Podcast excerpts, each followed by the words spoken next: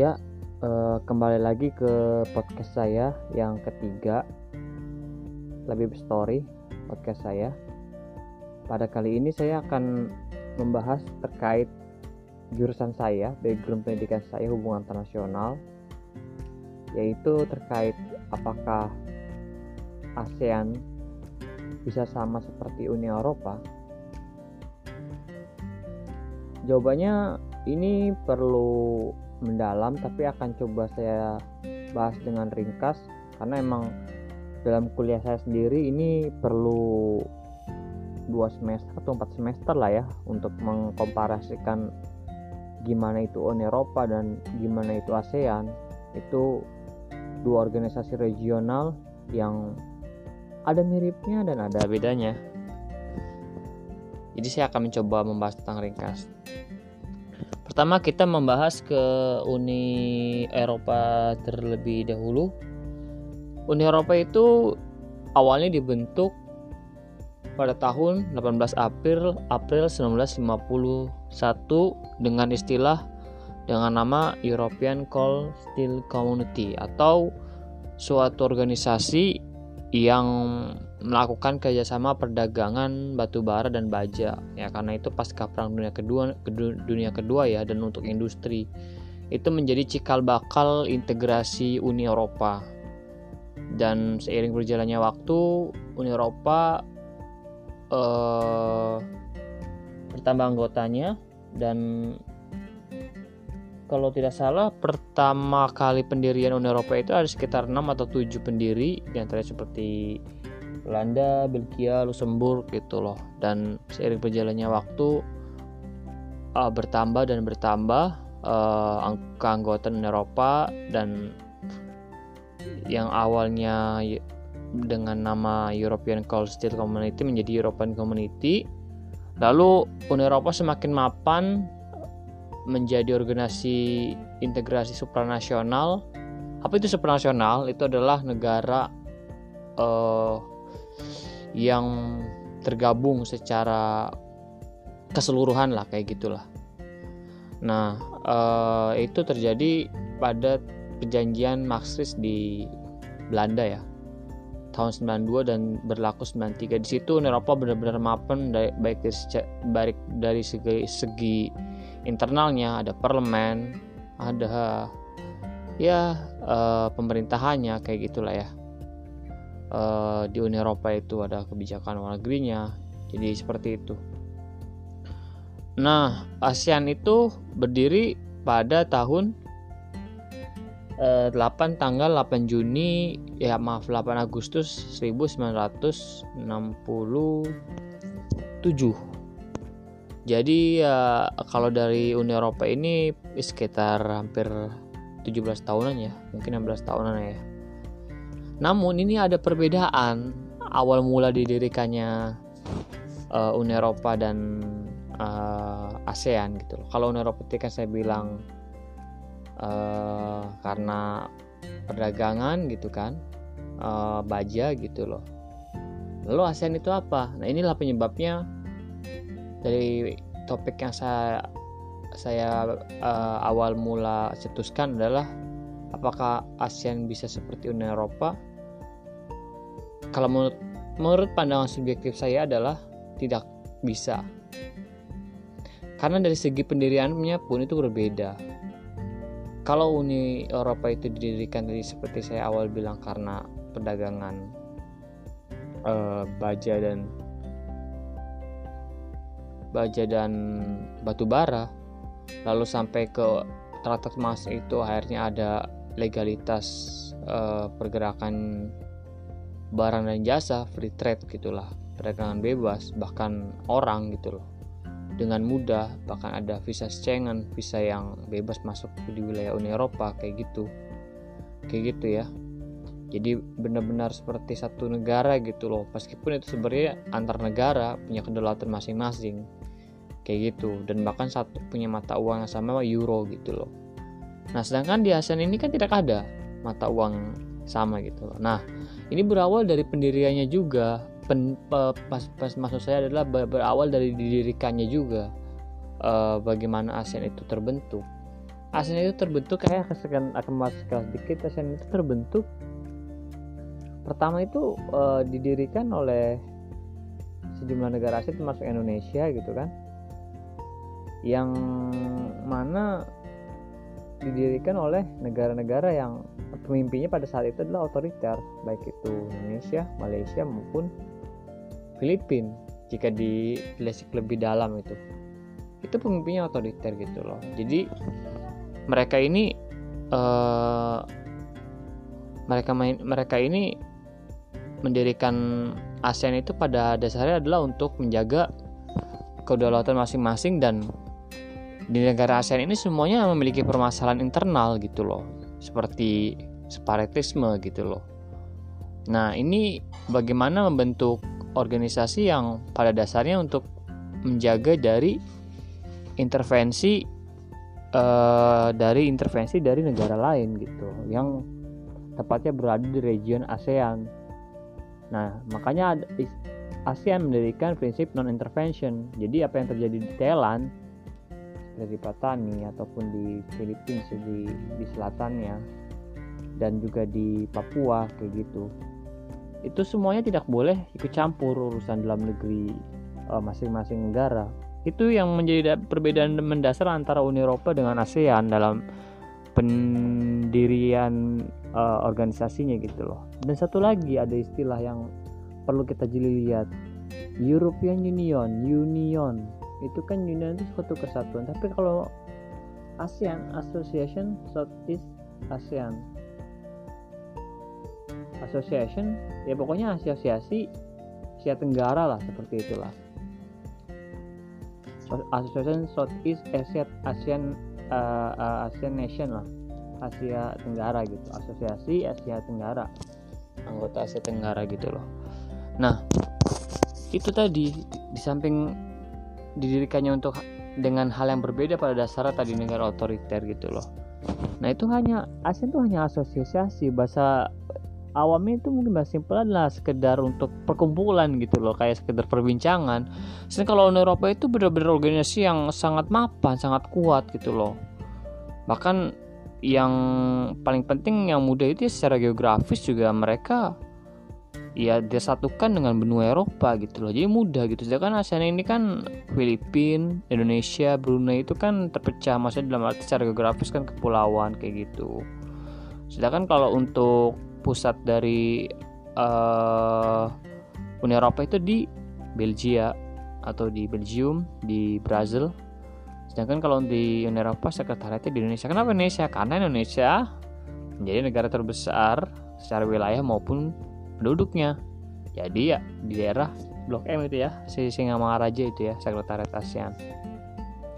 Nah terus juga pas sempat tuh ada free trade area tuh ya kan? Tapi pada nyatanya kita nggak melihat tuh di kehidupan sehari-hari ada orang Thailand, orang Malaysia berlalu lalang bekerja di sini gitu kan. Meskipun waktu itu sempat takut ancaman barang produk dari luar negeri gitu ASEAN terutama kayak gitu untuk masuk ke ke Indonesia kayak gitulah ya.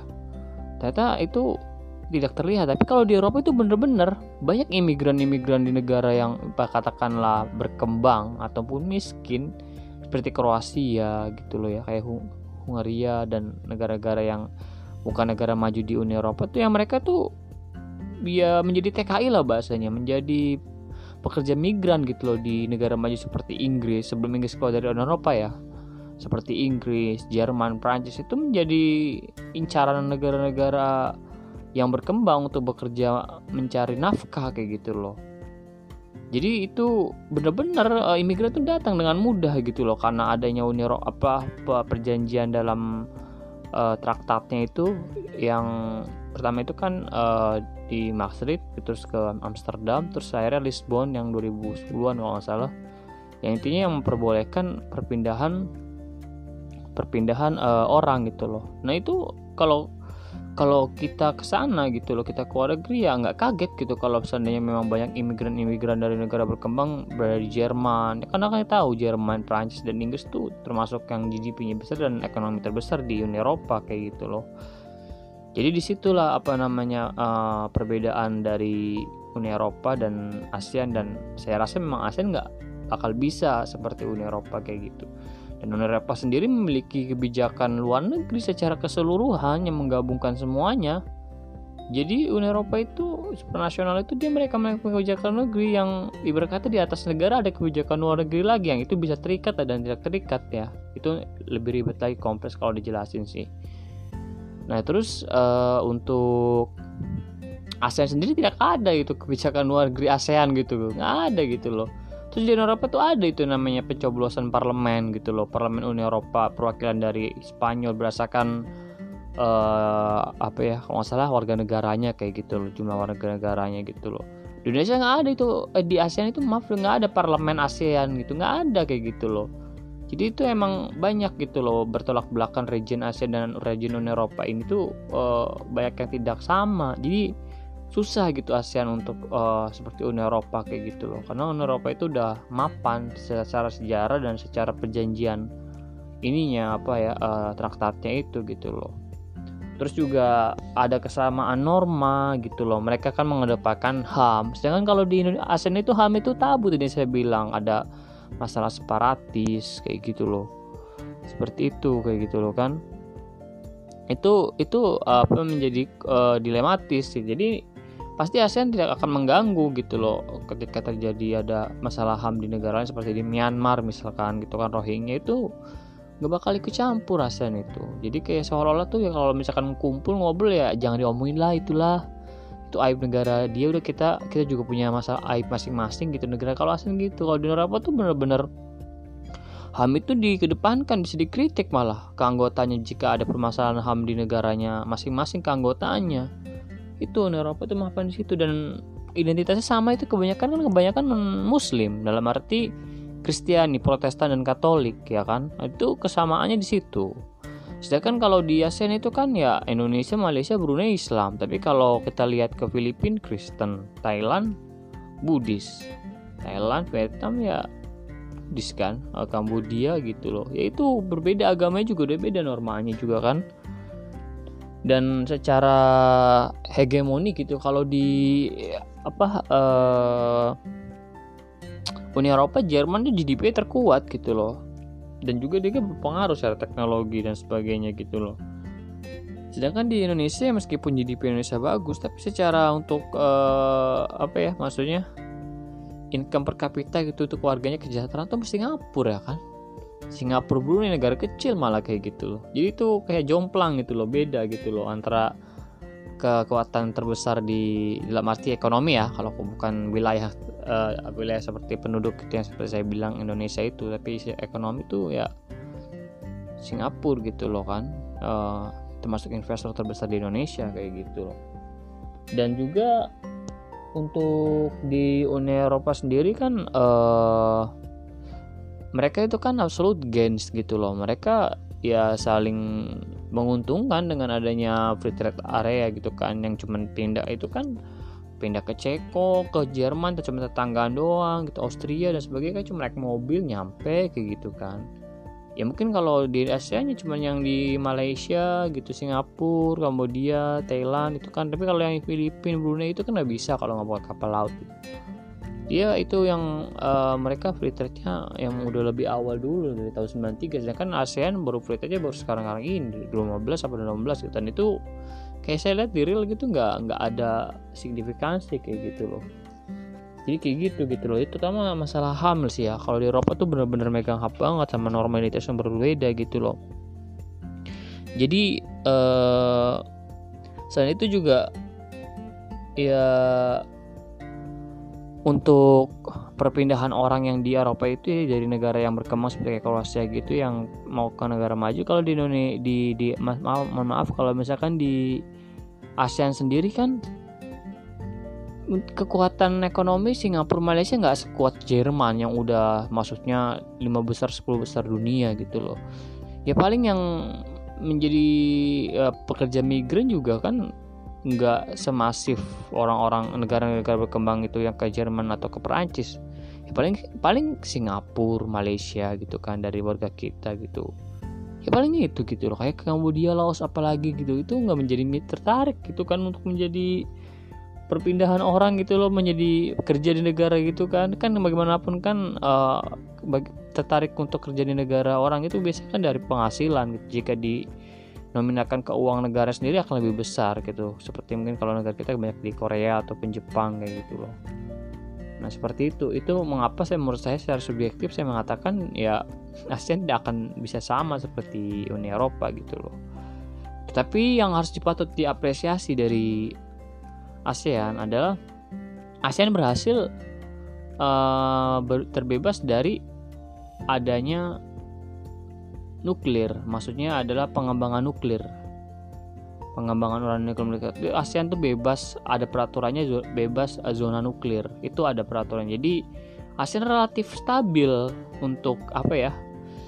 keamanan gitu loh. Itu yang diapresiasi itu ASEAN tuh berhasil stabil region yang cukup stabil gitu loh yang cukup stabil nih yang pujian buat ASEAN cukup stabil gitu loh jadi tidak ada konflik besar gitu loh jadi ini ASEAN mampu menjaga itu loh dan dengan kestabilan itu akhirnya ASEAN bisa bertumbuh ekonomi ya dengan dengan sendirinya. Maksudnya dengan kemampuan dari adaptasi masing-masing negara gitu. Dengan yang tidak ada guncangan karena konflik politik misalnya seperti antar negara. Bukan jadi ya bagus itu itu ASEAN di situ gitu loh. Sedangkan kalau Eropa itu kan karena mereka free trade itu pasti kalau suatu nanti krisis ekonomi bakalan lebih berdampak gitu loh dan ASEAN juga kadang membantu kalau ada di Asia Timur problem sengketa ataupun ribut konflik pasti pasti biasanya akan membantu untuk Asia Timur kayak gitu. Cuman memang masalah di ASEAN salah satunya di laut, di laut Cina Selatan sih ya yang uh, mengklaim diklaim oleh Cina gitu loh. Kan terus negara-negara yang berafiliasi dengan Amerika Serikat dan Inggris seperti kayak Malaysia gitu kan uh, Filipina gitu-gitu dan Vietnam kayak gitu-gitu itu maksudnya meskipun ada yang nggak berafiliasi dengan negara besar ya mereka ya konflik dengan Cina gitu loh. Ya itu mungkin di situlah ya problem untuk security ya. Nah sedangkan untuk Eropa itu treatnya itu bukan Laut Cina Selatan tapi Rusia. Sebagian dari mereka itu bergabung di NATO gitu loh. North Atlantic Treaty yang Organization yang diinisiasi oleh Amerika. Jadi mereka punya punya perjanjian fakta pertahanan untuk menghadapi Rusia itu treatnya itu treatnya itu treat apa ya ancaman lah ya ancaman dari negara Rusia gitu. Itu kenapa Ukraina itu pernah konflik itu karena waktu itu presidennya sempat mau jadi Uni Eropa sedangkan Rusia pengennya Ukraina tetap tetap independen kayak gitu loh. Jadi demikian gitu loh. Uh, pendapat saya tentang uh, pandangan saya sebagai lulusan HI uh, apakah ASEAN bisa seperti sama sama seperti Uni Eropa? Bakal Eropa saya jawab tidak. Tidak mungkin gitu ya kayak geografis norma yang berbeda dan sebagainya. Ya itu mungkin aja cukup sekian dari pandangan dari saya. Semoga bermanfaat. Uh, terima kasih sudah mendengarkan. Uh, assalamualaikum warahmatullahi wabarakatuh. Saya lebih Syarif